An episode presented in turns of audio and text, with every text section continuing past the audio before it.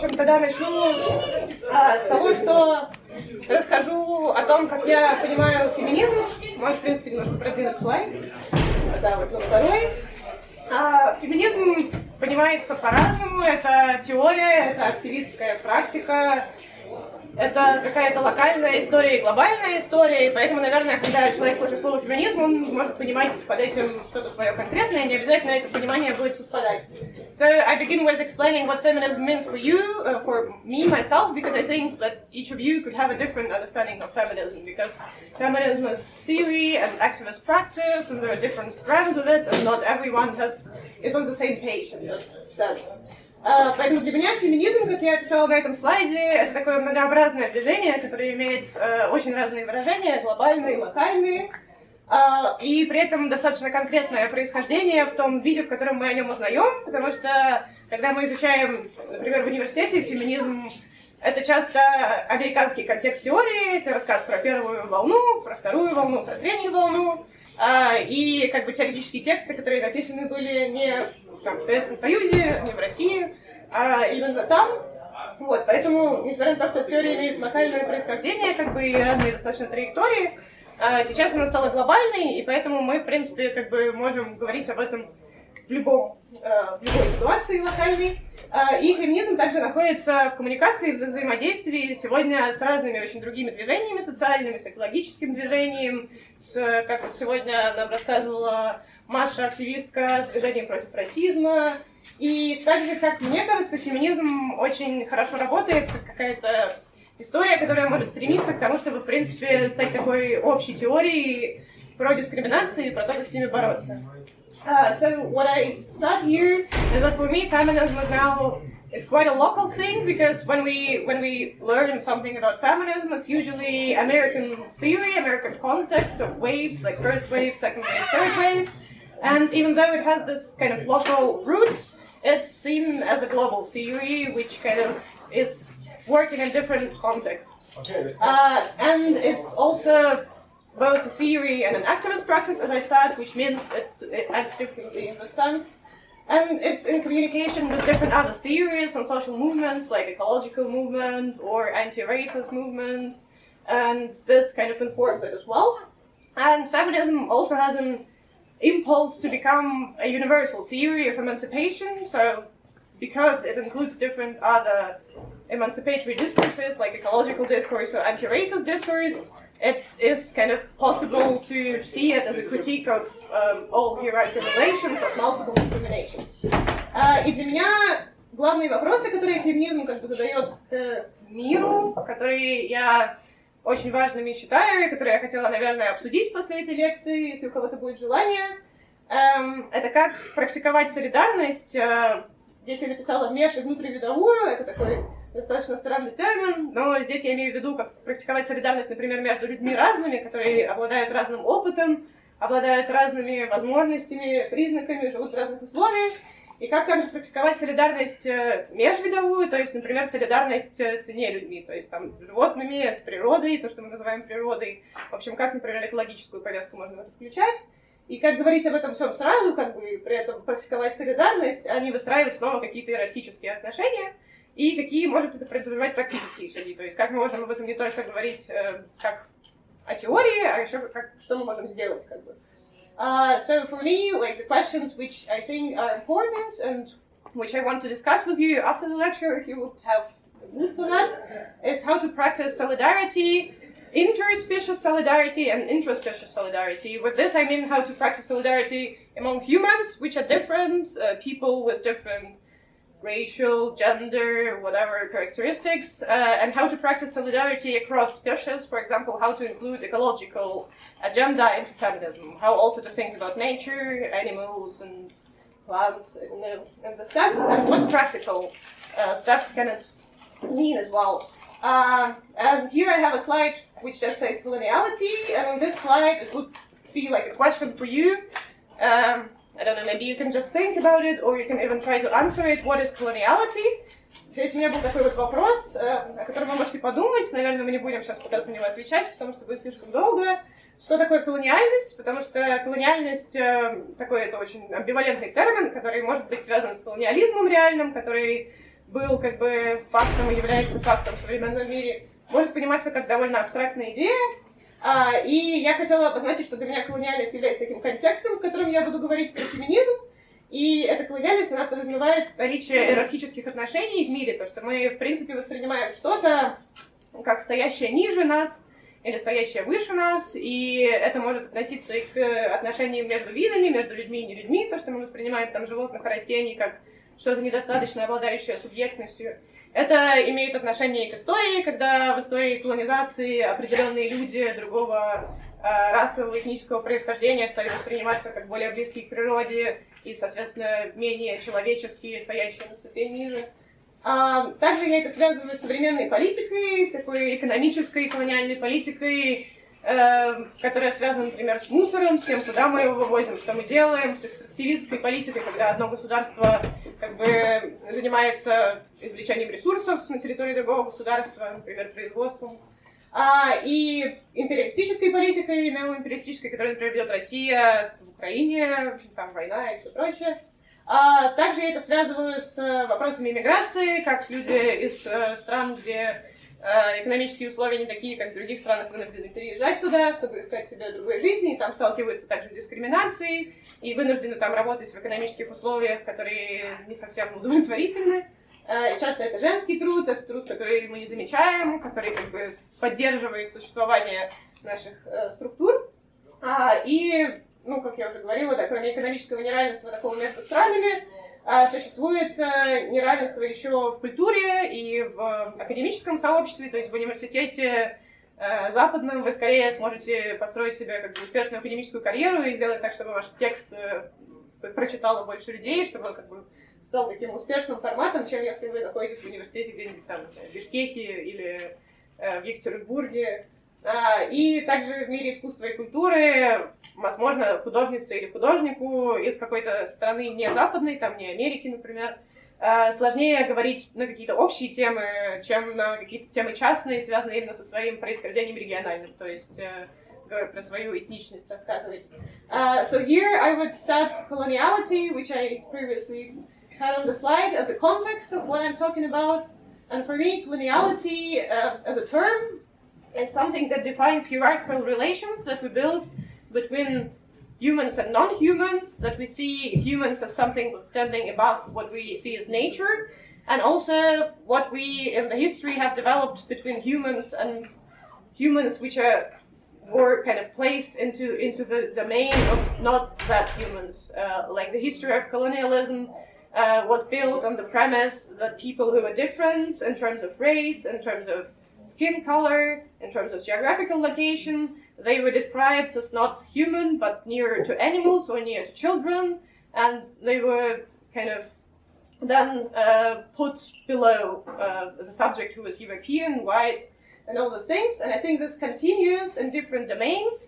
And, and я сейчас про предыдущий слайд сейчас чуть немножко расскажу, но ты можешь, в принципе, убрать это. Uh, so uh, what we had uh, as well on the previous slide, that coloniality plays now in our world in different domains. You have economy, where you have different kinds of dependencies of one country on the other countries, one economy on the other economy. And you have also migration flows, which happen because of this inequality, economic inequality. And when one people, uh, when people from one country, which is less economically um, well off, migrate to another country which is better well off, they end up being discriminated there and face racism and also have to perform different kind of uh, chores which are not that well paid.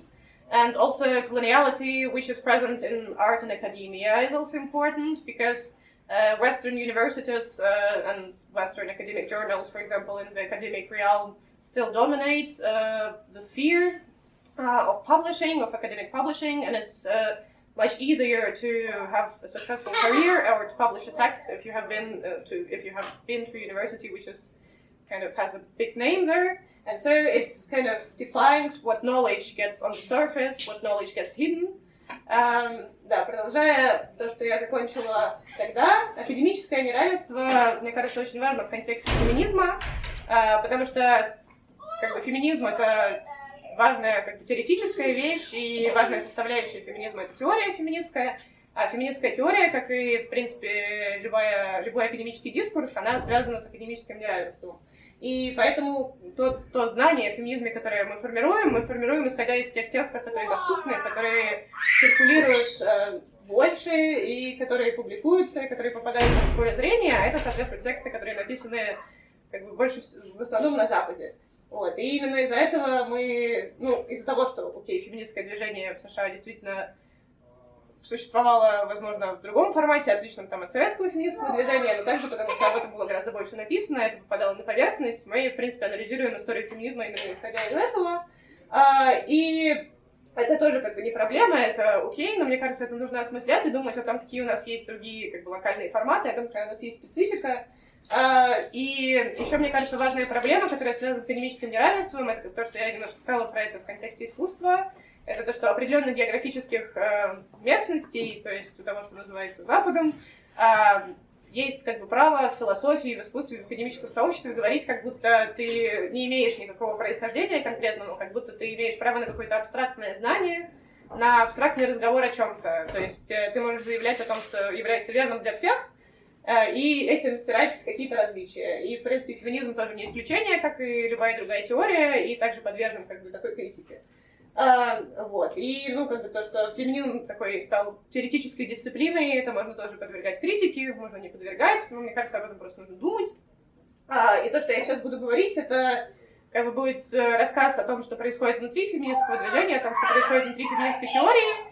И когда я об этом говорю, мне кажется важным отметить то, что при этом как бы все эти моменты, которые внутри феминизма существуют, они не обесценивают общее движение, общую теорию, общую практику, и как бы не нужно это воспринимать как какую-то критику, которая что-то обесценивает, потому что это как раз, мне кажется, делает феминистское движение, феминистскую теорию богаче, то, что эта критика существует, и без этого, наверное, не было бы э, как бы, такого продуктивного развития того, что мы знаем как феминизм.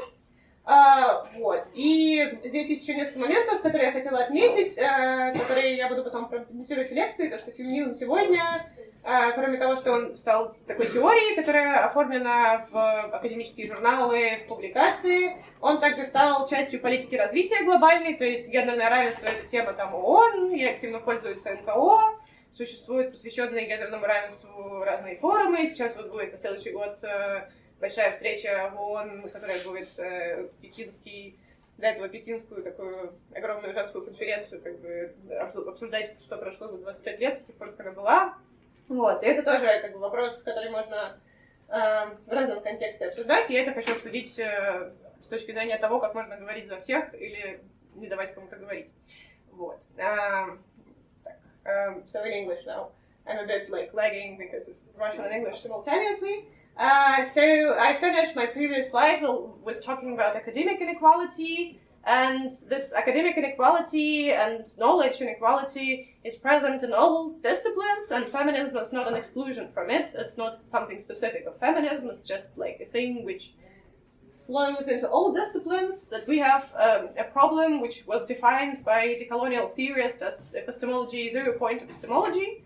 Uh, that some sciences with a concrete uh, regional origin, uh, namely Western science, uh, has a premise of talking from from a position which has no concrete origin, which has like a person who is talking from the point of what is called science and what is actually a science made by persons with concrete background, like white, Western, from the beginning male people, is put forward as something which has no origin, as something abstract. Uh, so from this point, like for example in feminist theory, what is said uh, from the American context uh, and the second wave white feminism, what was said in this context, was supposed to, for example, work for all women which live in the entire world. And before it was problematized, it, it was existing like that. That the, the, the theory that you can just transfer somewhere and then it will work in a different context. And this is what should be problematized.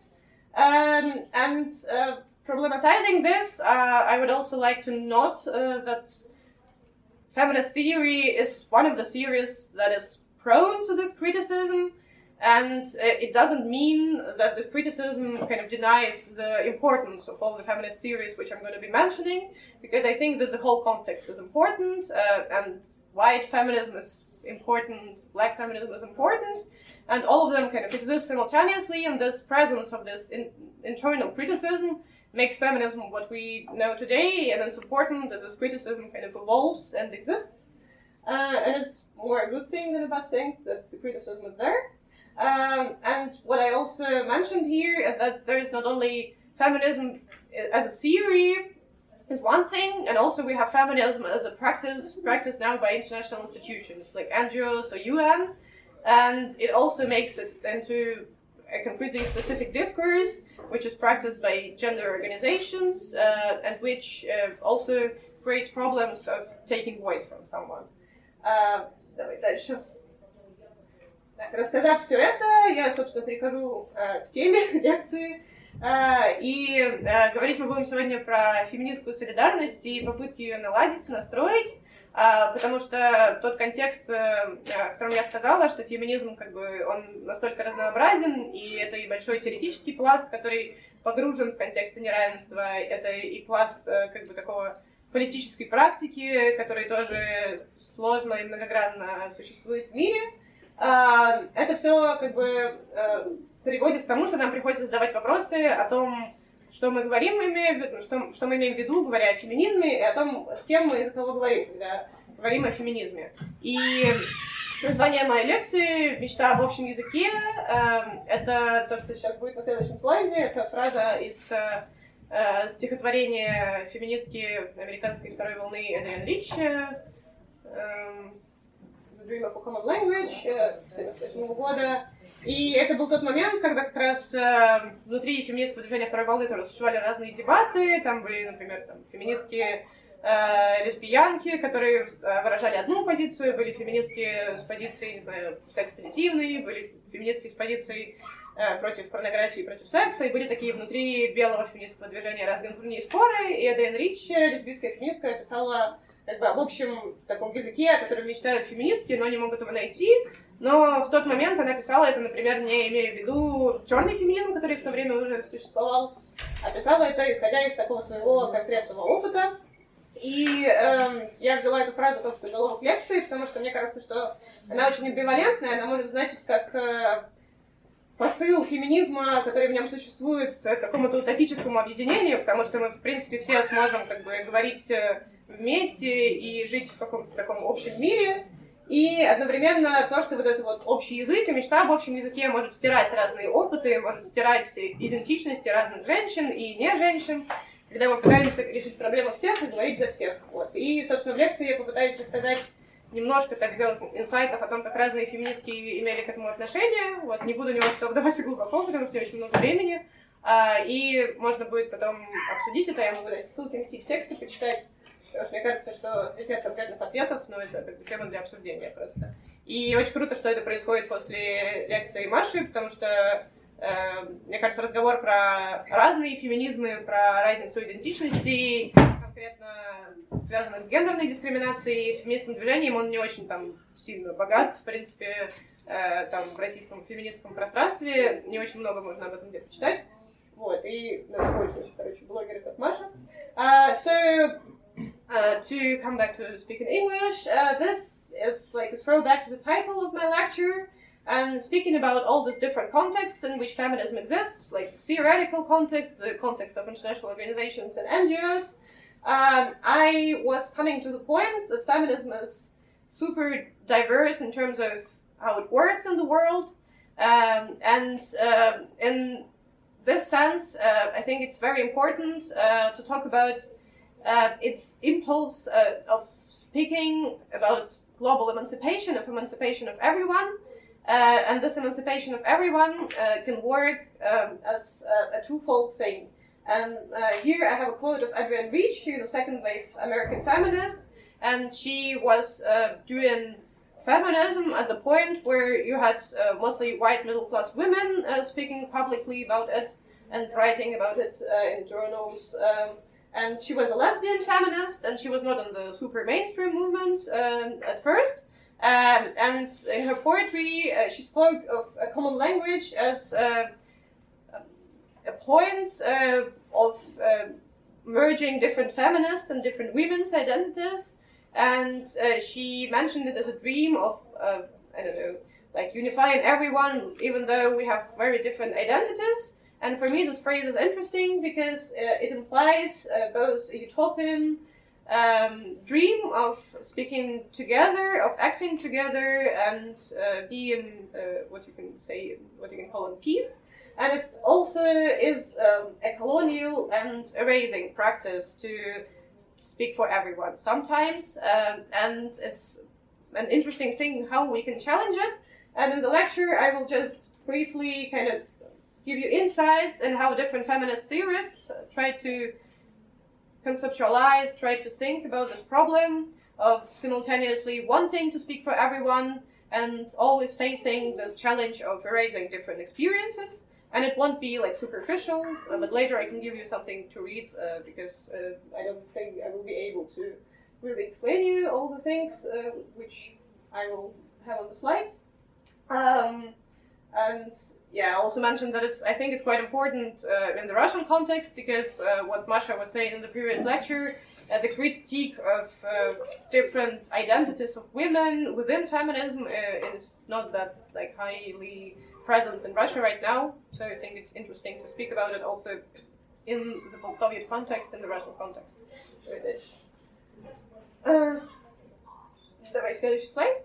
Uh, да, здесь у нас, возвращаясь к феминизму второй волны, uh, есть книг Робин Морган, uh, и ими я хотела как бы, ввести такую вещь, как э, глобальное сестринство, потому что общий язык может пониматься очень разно, наверное, каждый человек понимает это достаточно по-разному, эту фразу, вот, и одна из выражений этого общего языка как для феминизма американской второй волны, это была идея глобального сестринства, о которой в то время говорили также белые феминистки, и вот Робин Морган очень интересно написал в течение достаточно долгого времени разные книги. Начала в 70-е с фразы «сестринство – это сильно», потом «сестринство – это глобально», а потом «сестринство всегда». И ее достаточно много тоже критиковали небелые феминистки за то, что она стирает э, разные опыты. Потом в последующих книгах она старалась это исправить, говоря уже про то, что есть разные опыты женщин. А, но концепт сестринства, он, в принципе, внутри феминизма, как бы, несмотря на то, что он достаточно долго, долгое время существовал, он подвергался многочисленной критике, но все равно продолжает использоваться активно. И эм, я, когда его слышу, мне, например, кажется, что я скорее критично к нему отношусь, потому что, наверное, слишком много было моментов как бы, какого-то внутреннего расизма и какой-то внутренней дискриминации, которые существовали в том феминистском движении, откуда оно пришло. И если мы просто будем его брать и переносить там в наш контекст и использовать его, наверное, мы будем как бы также воспроизводить какие-то динамики. Um, so I'm here uh, kind of introducing uh, the stream of a common language within the second wave American feminism, and in there it was present under the name of Global Sisterhood first. Uh, and uh, Robin Morgan, a feminist of the same generation as um, uh, Adrienne Rich on the previous slide, uh, she was publishing numerous books uh, in different years, and her first book in the 70s was called Sisterhood is Powerful, and it was mostly represented by white feminists who were inside of this book with different essays.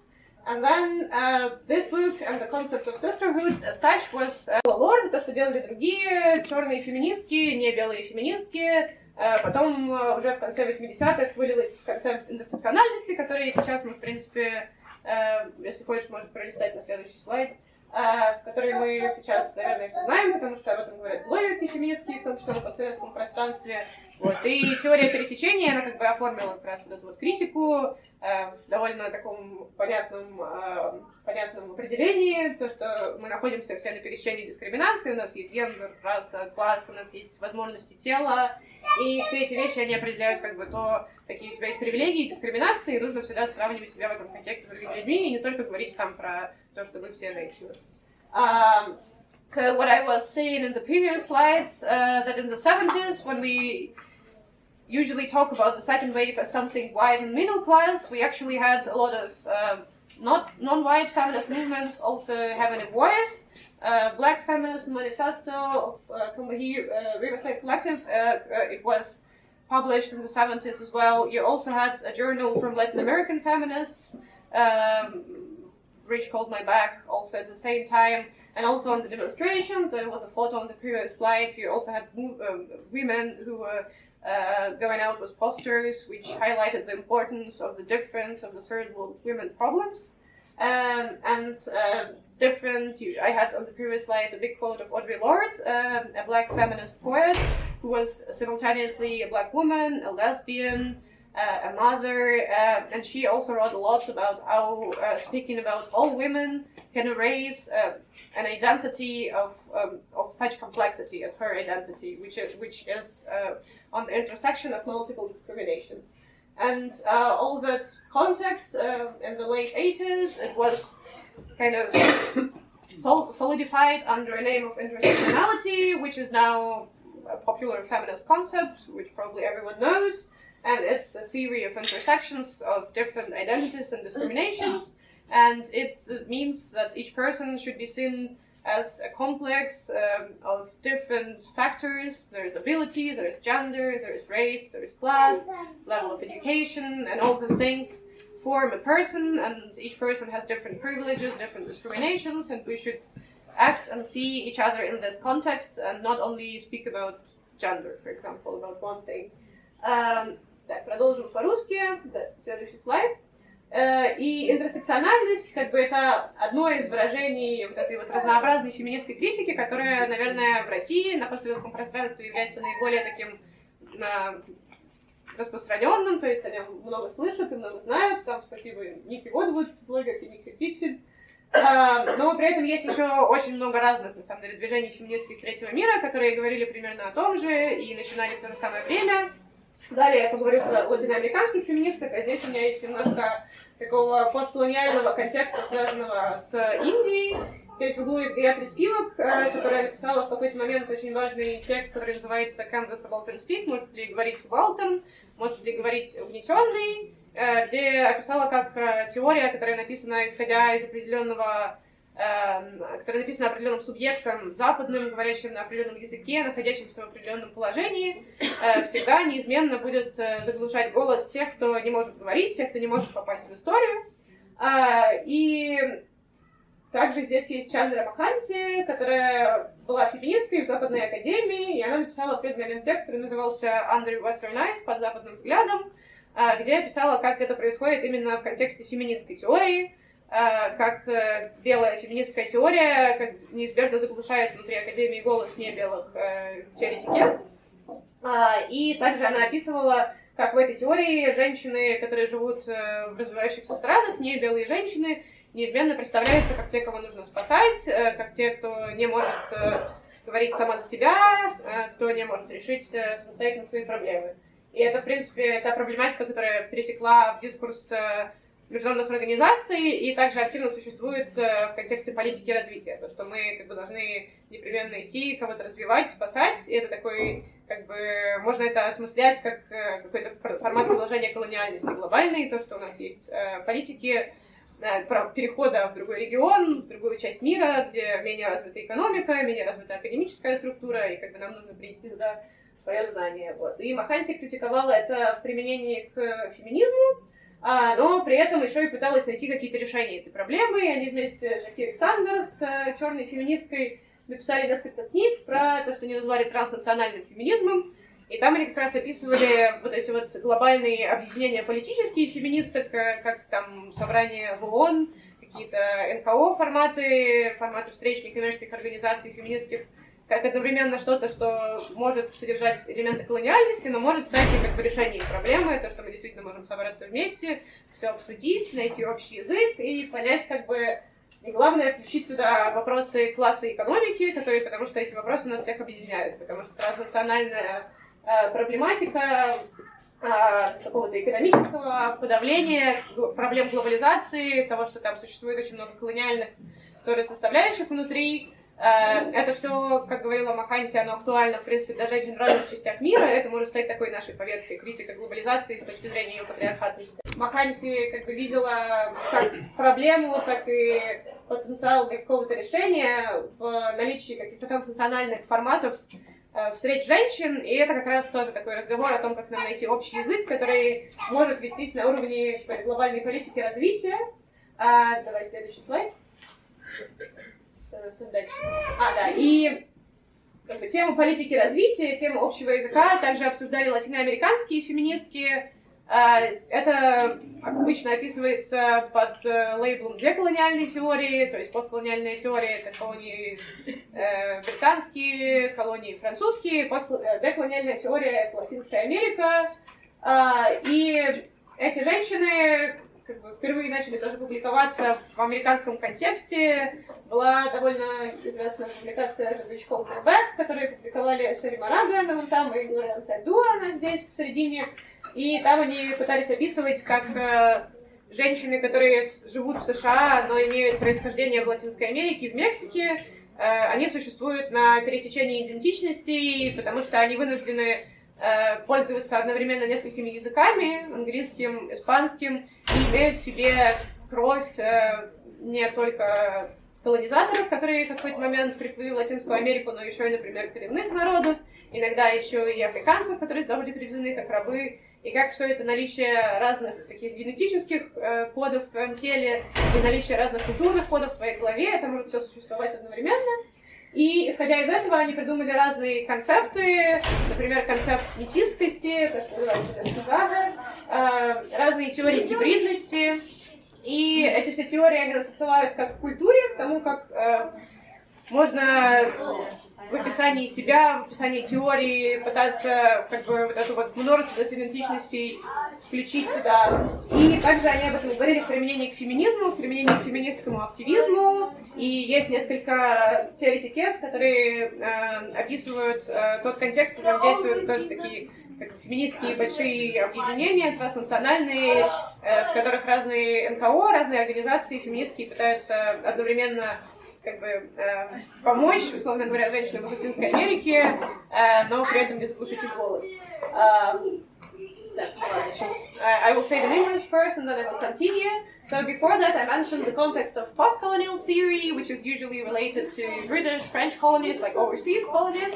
And here it is about decolonial theory, uh, decolonial feminist theory, which uh, is usually associated with the Latin American context. and there you also had very different women who tried to think about this question of uh, speaking from the point of having very different identities. And most of them, they resided in the US and they moved uh, to the US from Mexico, or Latin American countries. And then they tried to think how they can speak from the point where they had different language identities. Um, a woman who was uh, who migrated from Mexico, she was always um, in need to engage in translation from Spanish to English and have this both languages in head at the same time. And also how to live with multiple identities, because a woman who lives in Latin America, she can have blood from former colonizers who came from Spain or Portugal at one point. She can have blood from uh, indigenous peoples uh, who lived in the territory. She can have blood from uh, Africans who were taken as slaves to Latin America. And all these genetic codes, all these cultural codes can exist in her simultaneously. And uh, for example, Gloria, Gloria Sadua, who is in the middle, uh, she wrote a book called Borderlands, uh, where she tried to conceptualize this identity which exists on, on the border of very, very different identities um, and other theorists did it as well. It was uh, kind of um, expressed in different concepts. One of them was uh, mestizaje, like the mestiza position, where you exist in this hybrid hybrid uh, state of uh, being everywhere at the same time and nowhere. Um, and also, these women, uh, many of them were also acting as uh, representatives of different international institutions. So they had to also think about how to bring feminism and how to bring this diversity of identities into politics. And there is a lot of criticism of um, NGO formats uh, of the phenomena which is called NGOization, which comes from them. Some, when you have all this context of different organizations which deal with the question of gender equality. You also have an issue of translation, which is always happening there, and you have to translate gender equality, which is which might be relevant in the American context into the context which is completely different. And it's questionable whether it can be translated at all, or if it will obscure all the, for example, indigenous issues which exist in the region. Um, think about her identity as this kind of complex setting of multiple, multiple cultural codes, uh, and she called the place where she resides borderlands, uh, a crossroads of identities. And for her, this uh, the thing that she had multiple cultures within her was also important for her as a feminist because uh, this indigenous cosmology of thinking about multiple identities with, which exist in the same person at the same time can also be um, an impulse to think about gender identity in the same manner, that you can have multiple gender identities within you as well. Um, and um, давай дальше. So now I'll speak in Russian and then I will continue. Um, в общем, продолжая все это, um, вернусь к тому, с чего мы начали, и говорю о том, что все вот эти вот э, разные разговоры, они существуют в одном конкретном локальном контексте внутри американского академического сообщества, но также они могут как бы э, быть э, распространены на всю систему такого академического феминизма, прогрессивного капитализма, то, что я здесь описала, то, что есть, в принципе, какая-то экономика знаний, в которой мы существуем. А, и всегда, когда мы э, как бы думаем о том, что такое феминистская теория, когда мы пытаемся помыслить свой феминизм, нам приходится заниматься переводом, потому что контекст Финляндии отличается от контекста России, от контекста США, и просто переносить теории, не пытаясь как-то обдумать, как они работают здесь, наверное, практически невозможно. А, и как бы одна из э, относящихся к вопросу общего языка вещей это как нам пользоваться концептами. Например, довольно много текстов, связанных с э, русскоязычным феминизмом, э, написано о том, что такое там гендер, например, как можно гендер практиковать по-русски, нужно ли это слово переводить или как им пользоваться. Есть также текст квир по-русски, где э, рассуждают о том, что слово квир, как, бы, как оно не локализованное, оно становится каким-то таким политизированным. Можно спорить, соглашаться, но, в общем, проблема, вопрос перевода, он тоже остается. И здесь я поместила а, такой интересный а, а, объект Курму, потому что хотела здесь еще упомянуть о том, что э, часто, когда в системе вот этого большого какого-то академического неравенства мы о чем-то говорим, мы часто как бы контекст какой-то условно западный воспринимаем за вот эту вот как раз нулевую точку, за точку с которой мы отталкиваемся. И Курма у меня здесь находится, потому что бишкекская активистка, с которой я общалась, которая рассказывала мне про их попытки переводить как бы на русский и на кыргызский какие-то феминистские концепты, на конференциях сталкиваются с тем, что постоянно феминизм описывается исходя из американского опыта, и все описывается исходя из него. И ее примерами, например, было то, что, не знаю, там, в России могли называть Толстого, там, не знаю, английским Диккенсом, или Бишкек — это Сан-Франциско Кыргызстана. Вот. Или в какой-то момент я слышала параллель о том, что как бы хурма э, это как яблоко, хурма это кыргызская яблоко или что-то еще. Это не кыргызская теория, в принципе, существует в таком контексте тоже, потому что мы постоянно вынуждены как бы подумать о том, как это могло быть у нас, и все равно сталкиваемся с неизбежным неравенством. И в Бишкеке они делали, например, симпозиум, который назывался «В теме», где они пытались помыслить э, квир в советском контексте, и тема была таким альтернативным словом, которое заменяло концепт квира. А, и как бы, говоря об этом симпозиуме, мне кажется, тоже важно думать о том, что это может быть возможностью, но нам при этом не нужно отказываться от слова квир и все равно продолжать его употреблять. Вот. Но при этом остается вопрос перевода, вопрос того, как это бывает сложно. А, и здесь э, такое продолжение прошлого слайда есть стихотворение Шари Марага, из сборника Морали и Глория Ансадюа, э, поэтки, которая работала в НКО и достаточно много присутствовала на всяких конференциях. И здесь стихотворение она описывает, как она, как э, мексиканская, живущая в Америке активистка, вынуждена постоянно быть неким мостом для всех и заниматься переводом Э, связанным с языком, переводом, связанным с какой-то космологией, которая у нее есть внутри, которая не подходит к американскому миру. И в конце она говорит, что она как бы, вынуждена заниматься переводом меньше, больше, чем чертова ООН. А, вот, и как бы да, это все проблематизирует вопрос того, как можно из разных культурных кодов пользоваться, в принципе, одной и той же теорией, которая является, условно говоря, глобальной. Um, so in English now, um, the previous slide where you had this speech about like border subjectivities and different cosmologies which people have um, um, is connected to this slide where I talk about translation in the very quotidian sense that we also need to translate concepts which come from one theory to the other theory. And if we, for example, if feminist theory has an origin in the US American context, we always have to face the fact that different concepts which come to local context have either to be localized or to be translated. For example, in, in the Russian context, the words gender and queer uh, have been largely debated if they're applicable to Russia or if we should invent something which, which is our own. And um, in Bishkek, for example, there was a symposium which was called Temia, where they tried to use tema, which is like um, a bit of an equivalent uh, of queer, uh, in the post-Soviet context as an option of speaking differently about the Western concept. Um, and here I have a little poem written by a Latin American activist as well, uh, where she says uh, how being a feminist activist and how being a woman from um, a different cultural context, uh, she always has to engage in translation, in linguistic translation and in cultural translation, and she is sick of it because she uh, does more translation than uh, she says the UN. Um, and from here, uh, maybe I will proceed a bit in English first.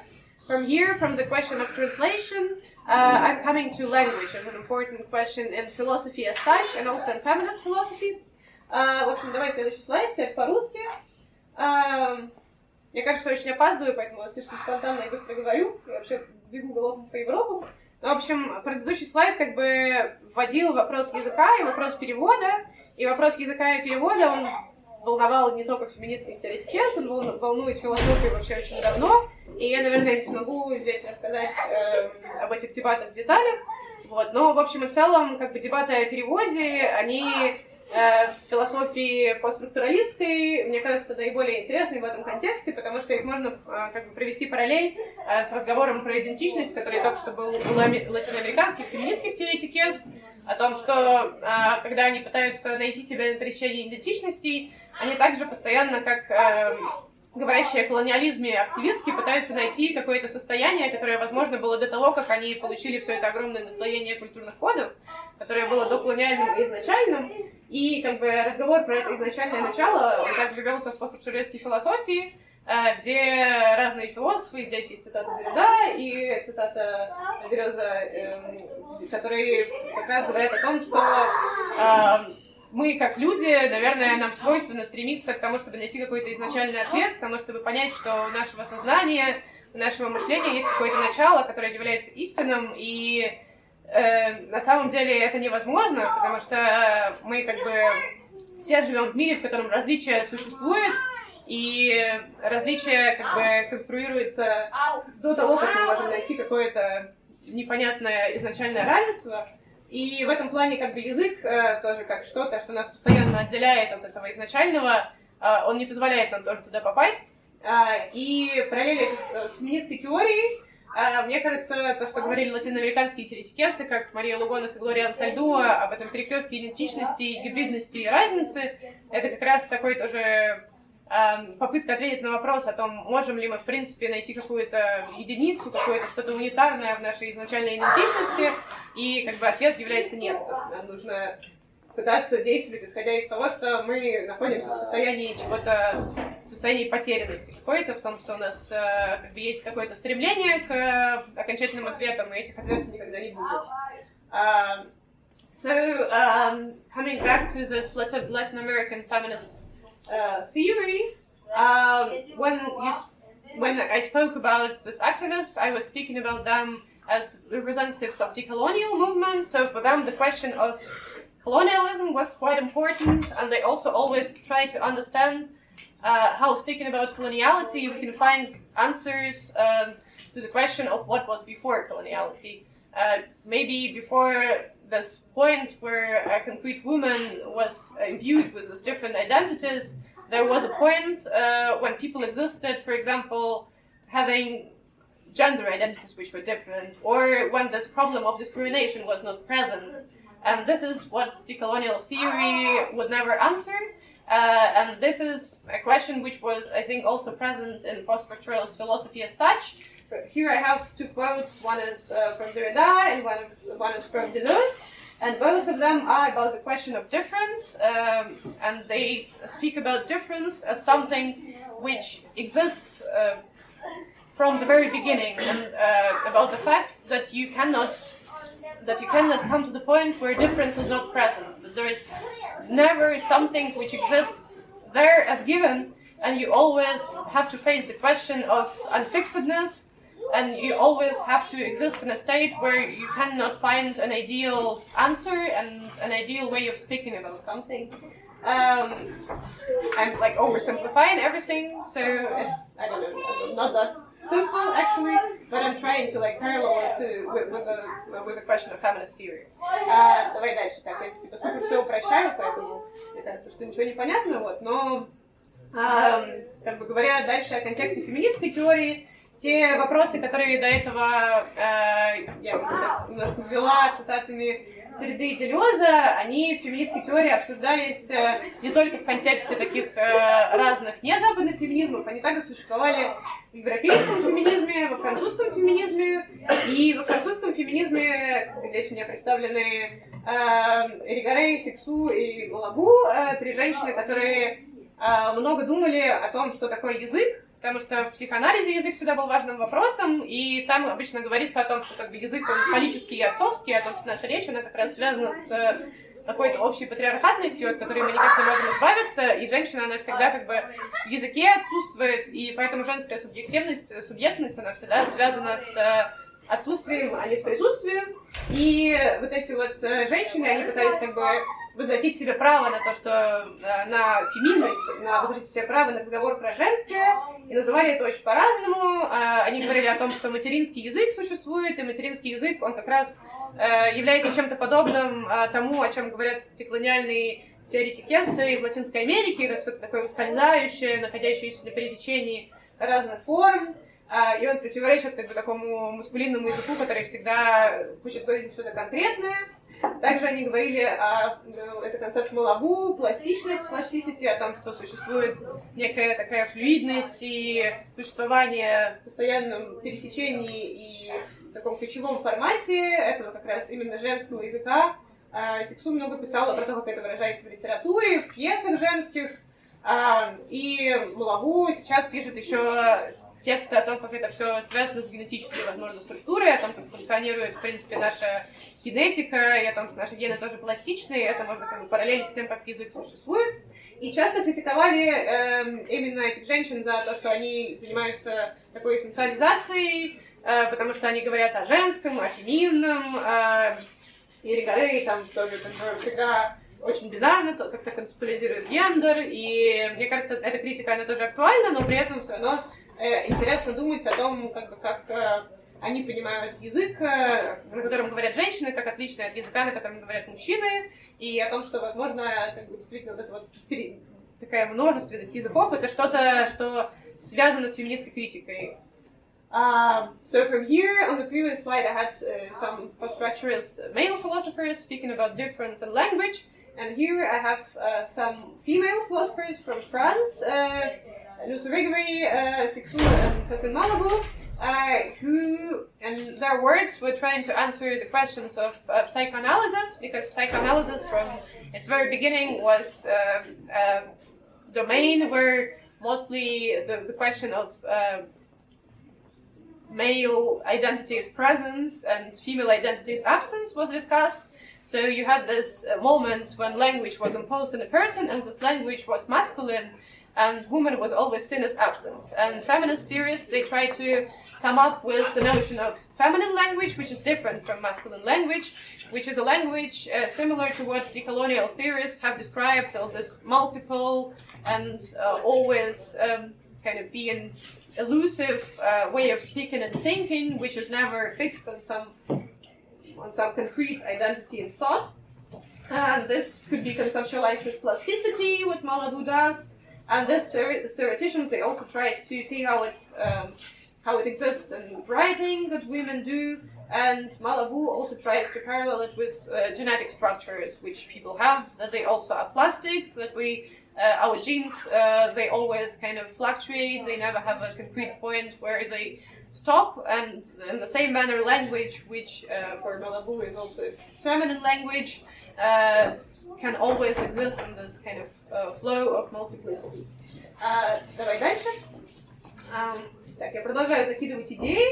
Вот, и вопрос общего языка, как бы, который эм, только что я э, обсуждала в контексте эм, лингвистической теории, о том, какой есть разный язык, есть женский язык, есть мужской язык. Он также существует в работах э, феминистских теоретикес, которых можно описать как постгуманистские. А, тут у меня Рози Брайдетти и Дона Хаraway находятся сюда вместе, я, наверное, про них скажу, хотя они не единственные, кто об этом говорит.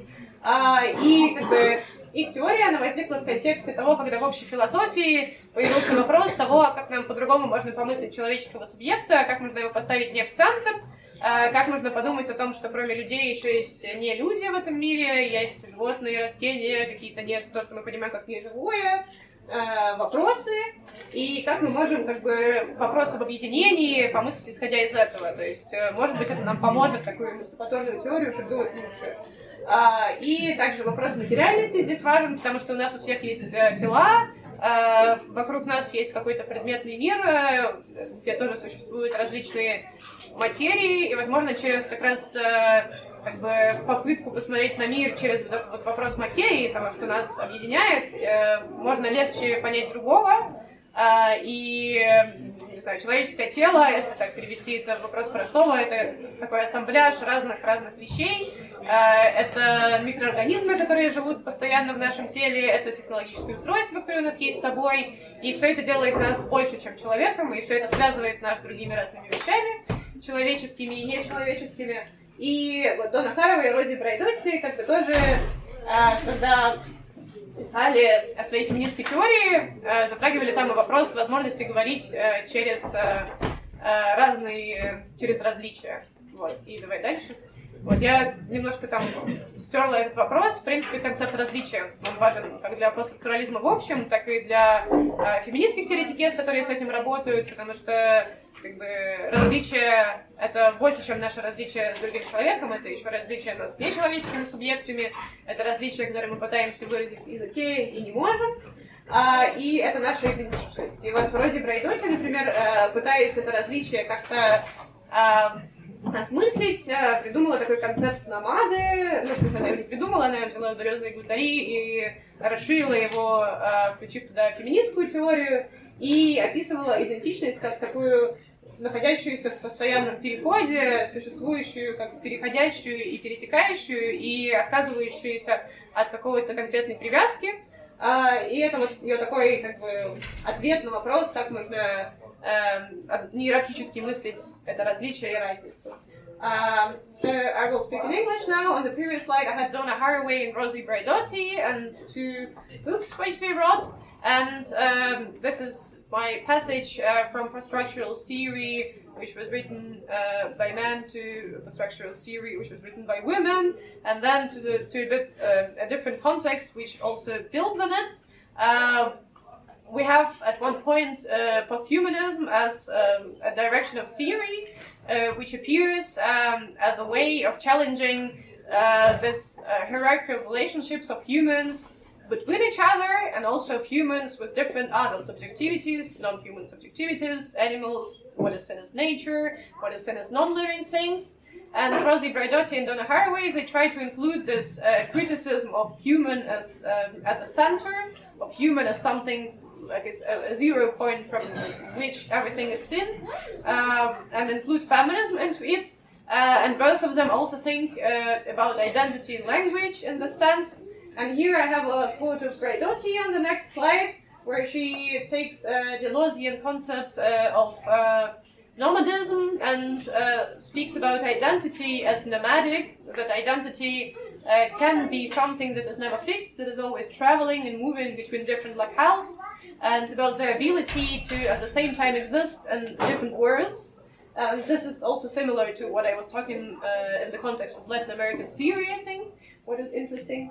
Um, Да, и возвращаясь к латиноамериканским теоретикесам, сверху это интересно, что концепты вот этой вот идентичности, пересекающие и движущиеся, они возникают в разных местах э, примерно в одни и те же моменты. А, вот, а Харуэй, э, она, мне кажется, интересна также в контексте разговора про язык, потому что в манифесте Киборга, ее, наверное, самом известном произведении, она как раз э, говорит про то, что она также называет общим языком, а, вот, и начинает она свою книгу, в принципе, с того, что в определенный момент, когда она начала писать э, о феминизме, международные женские движения, э, то есть э, в основном как бы, американское движение э, либерального, радикального, социалистического феминизма сконструировало некий концепт универсального женского опыта, то есть женщины как бы с большой буквы, которая является каким-то коллективным фактом, и это одновременно очень важно, но при этом это как бы э, как это какой-то коллективный объект, возможно, стирает много разных идентичностей. Э, также в своей книге она говорит о том, что как бы, вот этот вот концепт изначальной женщины, он, э, возможно, связан с нашим желанием какого-то э, вообще, в принципе, нашей попыткой найти какое-то изначальное единство в целом. Вот, а то, о чем говорили Далес э, и Лиза до этого, то, что у нас, в принципе, есть желание стремиться к какому-то изначальности какой-то, которая, возможно, невозможно достичь. И как бы киборг Харроу это такая попытка тоже кинуть вызов этому, этой мечте об изначальном единстве. И для нее киборг это что-то, что похоже на номадический субъект э, в Райдоте, что-то, что не боится таких частичных переходящих идентичностей и противоречий. Вот. И на следующем слайде есть несколько цитат тоже, э, где она как раз связывает это с общим языком, э, как концептом. Э, то есть для нее и женское движение, и феминизм, и наука, как бы это два таких места, где пытается сконструироваться какая-то тотальность, где пытаются говорить за всех одновременно. Э, и наука и социальная, и биологическая работает так же. И для нее как бы нет возможности э, мыслить это как что-то, что когда-то произойдет. Э, и тотальность нам в принципе не нужна, потому что это неизменно как бы э, стирает, это что-то империалистичное, это что-то, что подавляет все другие опыты. И как бы киборг, как и Намада Брайдоти, это такие существа, которые могут одновременно говорить за всех, но при этом как бы не обобщать это все. А, и у Харрелла это выражается в концепции разноречия. Это Бахтин э, слово это ввел лингвистический теоретик э, российского происхождения гетероглоссия, она по-английски называется. И для нее как бы существует какой-то такой язык, э, который может одновременно как бы, строить идентичности и разрушать их, и говорить одновременно за всех, и как бы, за никого в частности и э, как этот язык практикуется в реальности вопрос, но в научной фантастике как бы, и в текстах Харова он точно существует. О, клево, спасибо. Uh, so in English now, uh, before I spoke about the concept of uh, nomad, which Rosie Braidotti introduced, and here I had several quotes of Donna Haraway, who introduced a different subject, which is called a cyborg. And the cyborg is also someone or something which uh, tries to answer the question of speaking uh, for everyone and for no one at the same time. Um, and uh, Donna Haraway, she wrote her Cyborg Manifesto in the context where you had very different uh, movements within American second wave feminism, uh, which uh, created this unified subject of a woman. And in her Cyborg Manifesto, she parallels it with uh, what I mentioned when I was speaking about Derrida and Deleuze, uh, that there is this wish uh, to come to a concrete uh, fixed identity, to something which is unified, to something which is um, initially existing in the world. And for her, this concept of women is somehow similar to that. That's like a dream of um, creating um, this internal, I don't know, goddess who will um, collect all fem- feminine subjectivities, and for her ways that's impossible. And what we need instead is what she calls a cyborg. Uh, it's an assemblage of uh, different um, elements of humans, of animals, of machines, which exists between different identities and is also never fixed on one of them. Uh, and for her, uh, she also speaks about common language as something which feminists try to create. Uh, and instead of a common language, Haraway thinks we need to uh, deal with something called heteroglossia, this ability to speak in different languages simultaneously and never be fixed on one of them. Да, и возвращаясь к Каровой, а, я забыла упомянуть, что как бы, так как она постгуманистка, для нее киборг это еще это не только попытка говорить на разных языках в плане языков человеческих в гетероглоссии, это еще и попытка помыслить субъекта как а, комплекс из машины, человека, животного, то есть что-то, что больше, чем человек, и стирает и создает снова человека одновременно. А, вот, и продолжим. У нас здесь? А, там у меня почему-то не видно картинку. Да, в общем, э. Э, раз не видно, то и хорошо. А, здесь я поместила в таком формате манифест ксенофеминизма. Э, это новое направление феминистской теории, не так давно возникло в Германии. Несколько женщин собрались, пытаясь переосмыслить киберфеминизм. Э, и пытаясь переосмыслить феминистскую теорию в целом. И в манифесте феминизма, почему я его здесь поместила, мне кажется, тоже есть вопрос того, как говорить за всех одновременно и при этом не стирать чужой опыт. Там довольно много говорят о том, что такое, в принципе, универсальное, что такое локальное и частное, и нужно ли нам пытаться создать теорию феминизма, которая поможет как бы, всему миру одновременно. И они считают, что нужно, это как раз их манифест феминизма является такой теорией. А, и здесь вот есть цитата, которая говорит о том, что как бы феминизм, который они придумывают, он будет отвечать одновременно потребностям разных-разных женщин в разных-разных положениях. И для них это, этот феминизм как бы выглядит как такой тоже такой номадический феминизм феминизм Киберга, о которых я говорила, это некая высшая форма испорченности, то есть место, где одновременно сочетаются разные идентичности в какой-то такой грязной перемешанной луже, вот.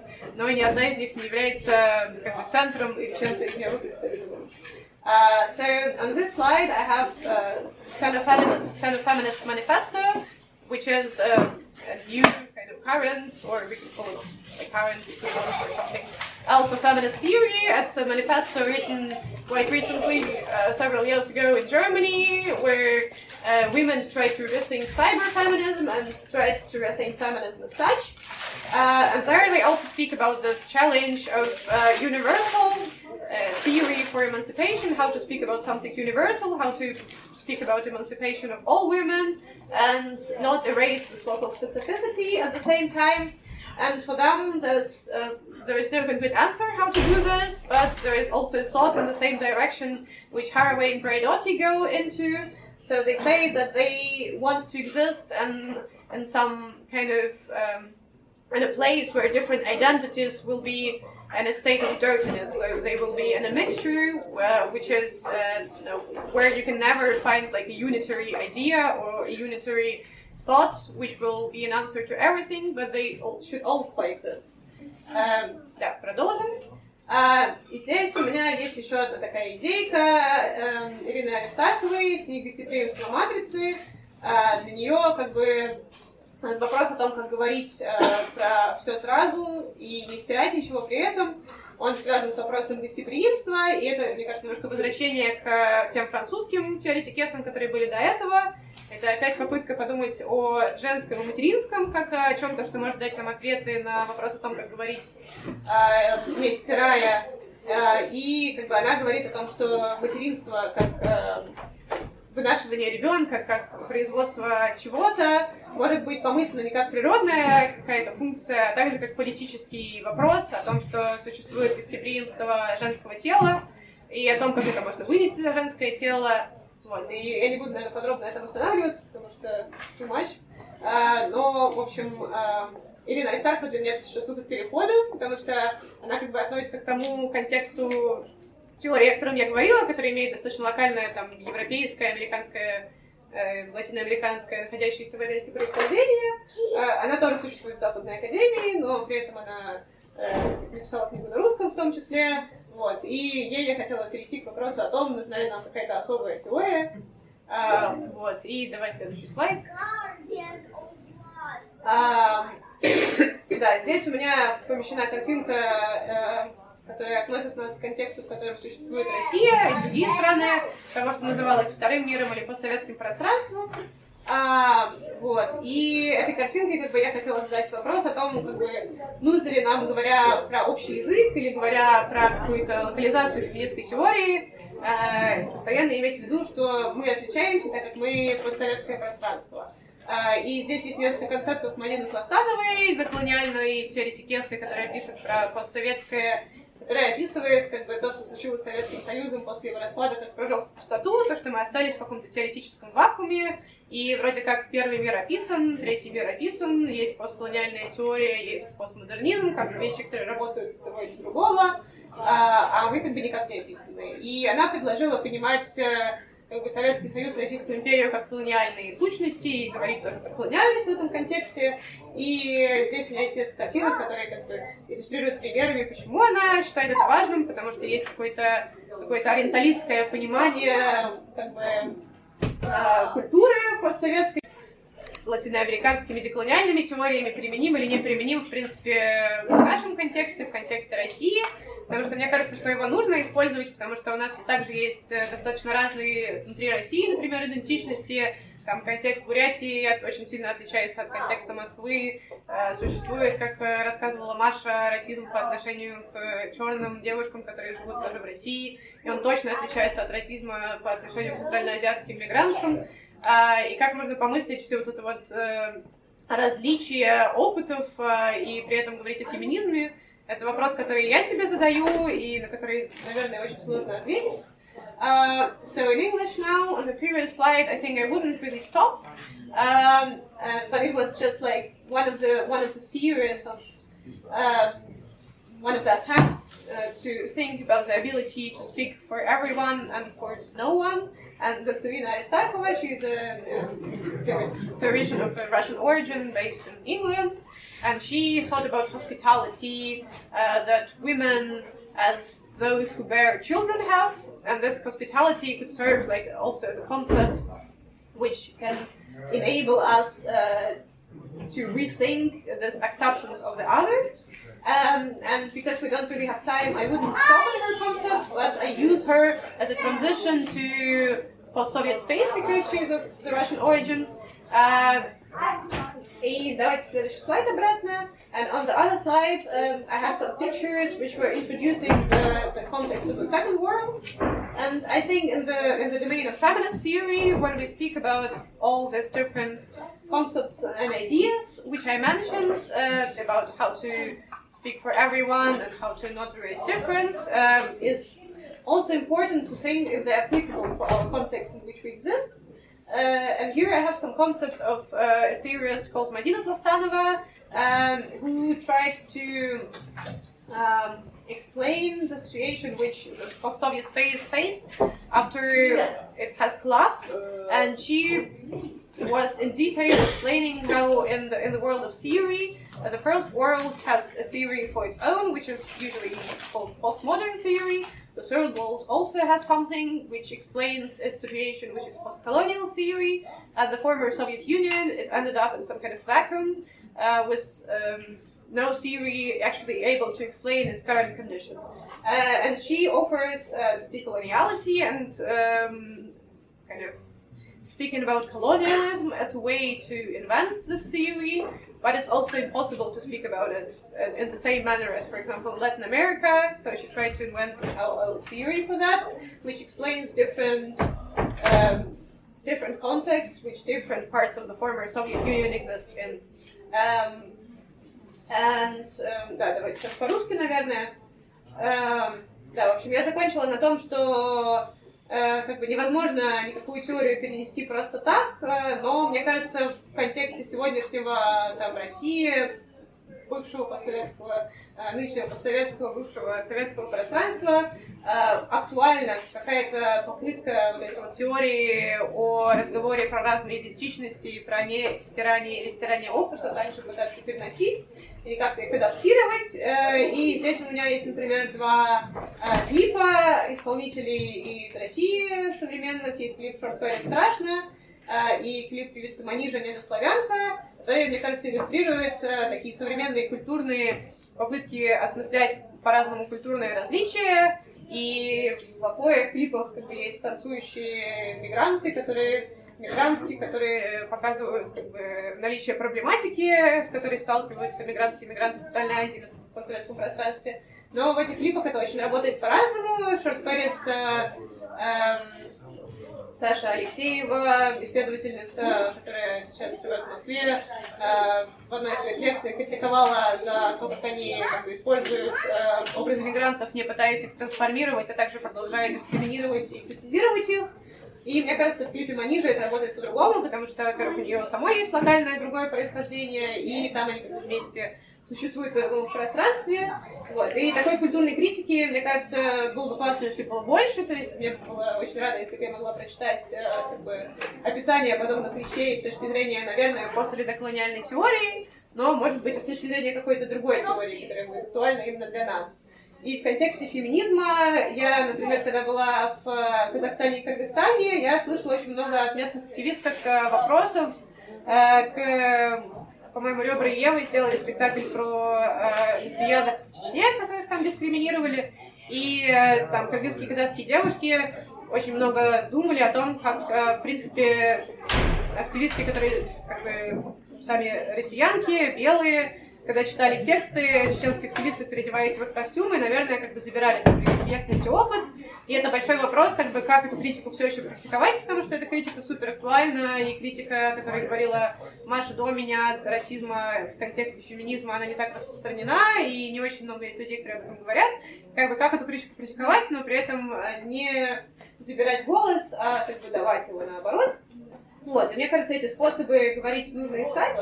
Um, so now in English, uh, from here I proceed to the to the question of speaking for someone or speaking with someone once again. And here I have some examples from the Russian context, uh, two video clips uh, which criticize uh, the problem of uh, the discrimination of migrants from Central Asia in Russia, and they do it in a different manner. One clip uh, kind of exoticizes and uh, reproduces the colonial dynamics, and the second, I would say, rather not. And maybe it's because uh, the, the singer who is in the second clip also has an identity which has the same national origin as the migrants, and also because the imagery is different. And um, I wouldn't um, have, um, I wouldn't present a good critique of it, but I would be happy if I would be able to go to I don't know Russian cultural spaces and read a, a lot of good criticism on that. And this is um, a point where I think uh, some theory which could be post decolonial or which could have a completely different name uh, is really needed in, the, in Russia and on the post-Soviet space. And in relation to feminism, uh, another good example could be um, this case when we had discriminations of LGBT people in Chechnya, like prosecutions, uh, mass prosecutions, and then different activists tried to do something about it. And for example, um, a theater play which in St. Petersburg uh, white feminist activists did was criticized uh, by other activists for erasing subjectivities of lesbian Chechen women because they were othered as Muslim women, for example. And it's a question how to do this because uh, this critique has to exist, uh, but it should also exist in a manner which do not, does not erase subjectivities. Да, в общем, как практиковать критику, не стирая, э, на постсоветском пространстве э, пытались э, понять э, как раз э, э, Так, Шестакова и Анна Ангельхарт, авторки портала, на котором опубликовано несколько текстов, он недавно э, появился, э, мне кажется, довольно интересно к этому порталу обратиться, читать статьи, которые на нем есть, потому что они как раз пытаются помыслить э, вот эту возможность э, разговора про деколонизацию и про феминизм одновременно. А, и у них есть здесь статья Кривольского центра, и Кривольский центр я поместила и здесь на фотографии также. Это алматинские художницы, которые как взяли одну из теорий э, из э, деколониального контекста, теорию э, креольности, э, карибскую теорию, и пытались ее применить э, в контексте Казахстана, как полушутку, полуправду. А, и дальше можно пролистать, у меня есть несколько цитат э, и Креольского центра, и из портала, не очень хорошо видно. В общем, в первой цитате это э, статья с, э, с модельного терминала, с портала Саши Шестаковой и Анны Гейхард.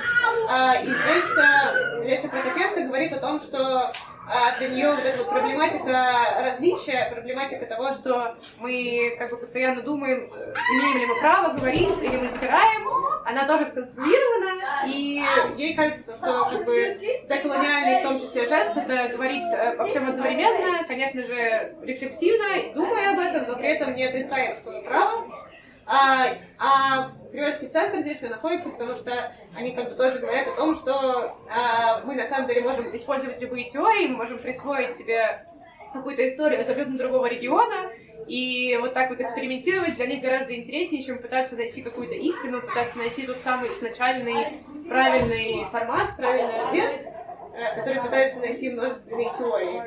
Um, so here I had some pictures which were demonstrating uh, different kinds of um, initiatives uh, which search for this um, for this answer to the question of how to speak about difference, how to speak about decolonization and feminism on the Soviet space at the same time. Uh, and there I had a portal which is called Transmodal Terminal, where you have several articles on the subject. And from one of the articles there is one here, uh, which um, is debating this question of speaking across difference. And Lisa Prokopilka, Ukrainian series, for example, she thinks that this question, uh, this problem that you always raise someone's subjectivity when speaking, is also constructed by colonialism, by coloniality.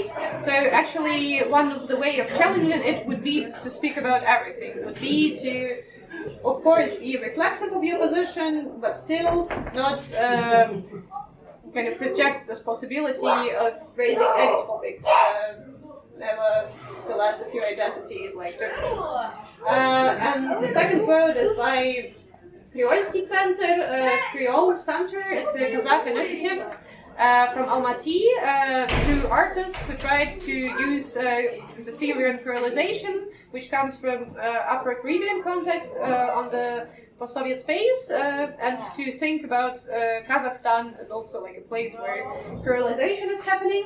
And uh, they also say that actually you can take any kind of theory, no matter what the local origin of it is, and use it, and uh, it is more interesting and more provoking for them than to continue the search for the for the only answer for the initial kind of idea which will explain us everything which will be uh, the answer to all the discriminations and the problems of difference. Uh, да, давай дальше.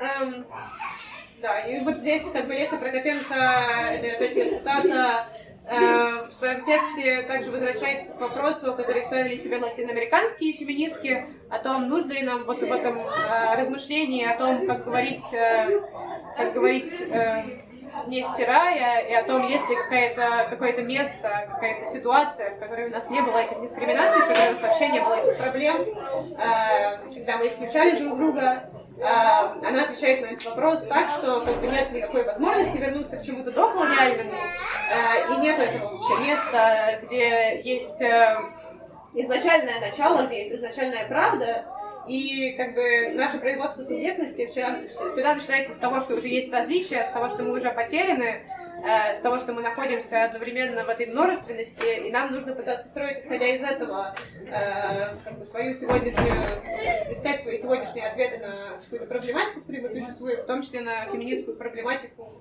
общего языка. А, вот, и для нее как бы э, в этом конкретном тексте э, выход заняться медитацией, вопрос, не знаю, является ли это выходом. А, вот, и давай на следующий слайд. Здесь также ее есть цитата, и здесь она критикует концепт Лориан Сальдуа, который был в стихотворении выше, и говорит, что а, разговор, который ведет интерсекциональная теория, теория пересечений, когда у нас есть идентичности, которые находятся как бы на пересечении а, разных экспериментов, и концепт Лориан Сальдуа, когда она также говорит, что есть некоторое пограничье, где есть какая-то линия разграничивающей идентичности, это не то, что ее устраивает, потому что это как бы опять приводит всех, все в очень такую категори, категориальную историю, то, что мы все можем разложить по коробочкам, описать, какие наши идентичности существуют, и помыслить нас так, на их пересечении. Для нее это не является ответом, вместо этого нужно попытаться придумать какое-то другое осмысление себя, как как раз вот эту вот грязную, такую, как в манифесте все на феминизма глубину, где все это не э, раскладывается на определенные э, части твоей субъектности, а все это существует одновременно в таком как, клубке эротичности и пересечений. А, и здесь также есть цитата из текста Анны Гельхарта Шестаковой, э, портала «Трансмодельный терминал», и здесь, в принципе, речь идет о том же самом, о том, что у нас есть некоторая перемешанность, некоторая потерянность, и здесь они это называют просто множественностью управления. Мне понравился этот термин. А, вот, и сейчас на английском мы потом продолжим. So now in English, uh, here I had several quotes uh, from the same portal, Transmodal Terminal where she refers to this uh, decolonial feminist theory, which I was mentioning before, which comes from Latin America, and she debates with it in two relations. Firstly, she debates uh, the, the wish of decolonial theorists to find uh, some pre-colonial situation where you didn't have this problem of difference, where you didn't have the challenge of speaking across different languages and discriminations. Uh, and she says that it's actually impossible to find some pre-colonial situation, that it never existed. There was never a moment uh, where you didn't have difference present in you already, and it's impossible to try to go back to it. Uh, and in this second quote, she uh, kind of argues with uh, what Gloria Anzaldúa called order, subject, subjectivity, and also with intersectional theory. Uh, and she says that intersectional theory and Gloria Anzaldúa's borderland concept are both putting your identity into boxes once again. So they say like you have different discriminations, you have different privileges, here are the lines between them, and you can put yourself here or there, and then you understand everything. And actually, it's impossible, and instead of it, we should see our identity um, as Xenofeminist Manifesto explained that as something, as a dirty mixture or um, as Braidotti saw it, some kind of nomadic subjectivity, so something that is never fixed and that you cannot put in one box and then everything will be explained. Are you trying to say? Yeah, and um, I mean, in this all quotations, the same thought is like coming um, to to the surface. Um, as the thought about thinking about your identity is always fluid and never fixed. Uh, и Да, по-русски, в общем, во всех этих цитатах и во всех этих э, разных моментах э, помысления вопроса общего языка и разговора э, через разные опыты, через разные идентичности, э, такая общая мысль, которая кристаллизовывается, это то, что нам нужно понять, как нам нужно нашу идентичность, в принципе, мыслить как такую флюидную, текучую, как никогда не стоящую на месте. Вот. И можно дальше, здесь у меня написано спасибо, по-моему, потому что я еще не говорила. И там я написала опять вопросы, которые я оставила в начале. А, вот, и в своей супер странной быстрой лекции, что я слишком быстро говорила, э, я пыталась типа указать на то, как э, достаточно разные люди пытались вопросы идентичности и различия помыслить.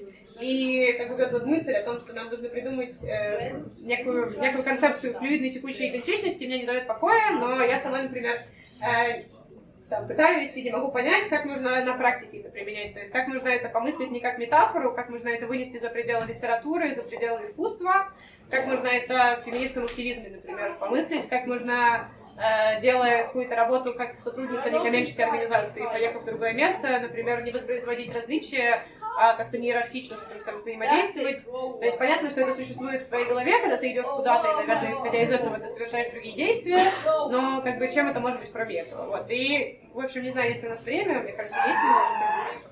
Да хоть давно что рассказывай. Наверное, минут 15 у нас есть. Я хотела попытаться это обсудить, то есть как, э, например, в феминистском активизме, как э, в практике, связанной с гендерным равенством, можно практиковать солидарность э, такую межрегиональную, как практиковать солидарность, связанную с тем, что у вас разный уровень образования, не знаю, разный какой-то вообще, в принципе, разное место в жизни, и при этом не заглушать чужой опыт.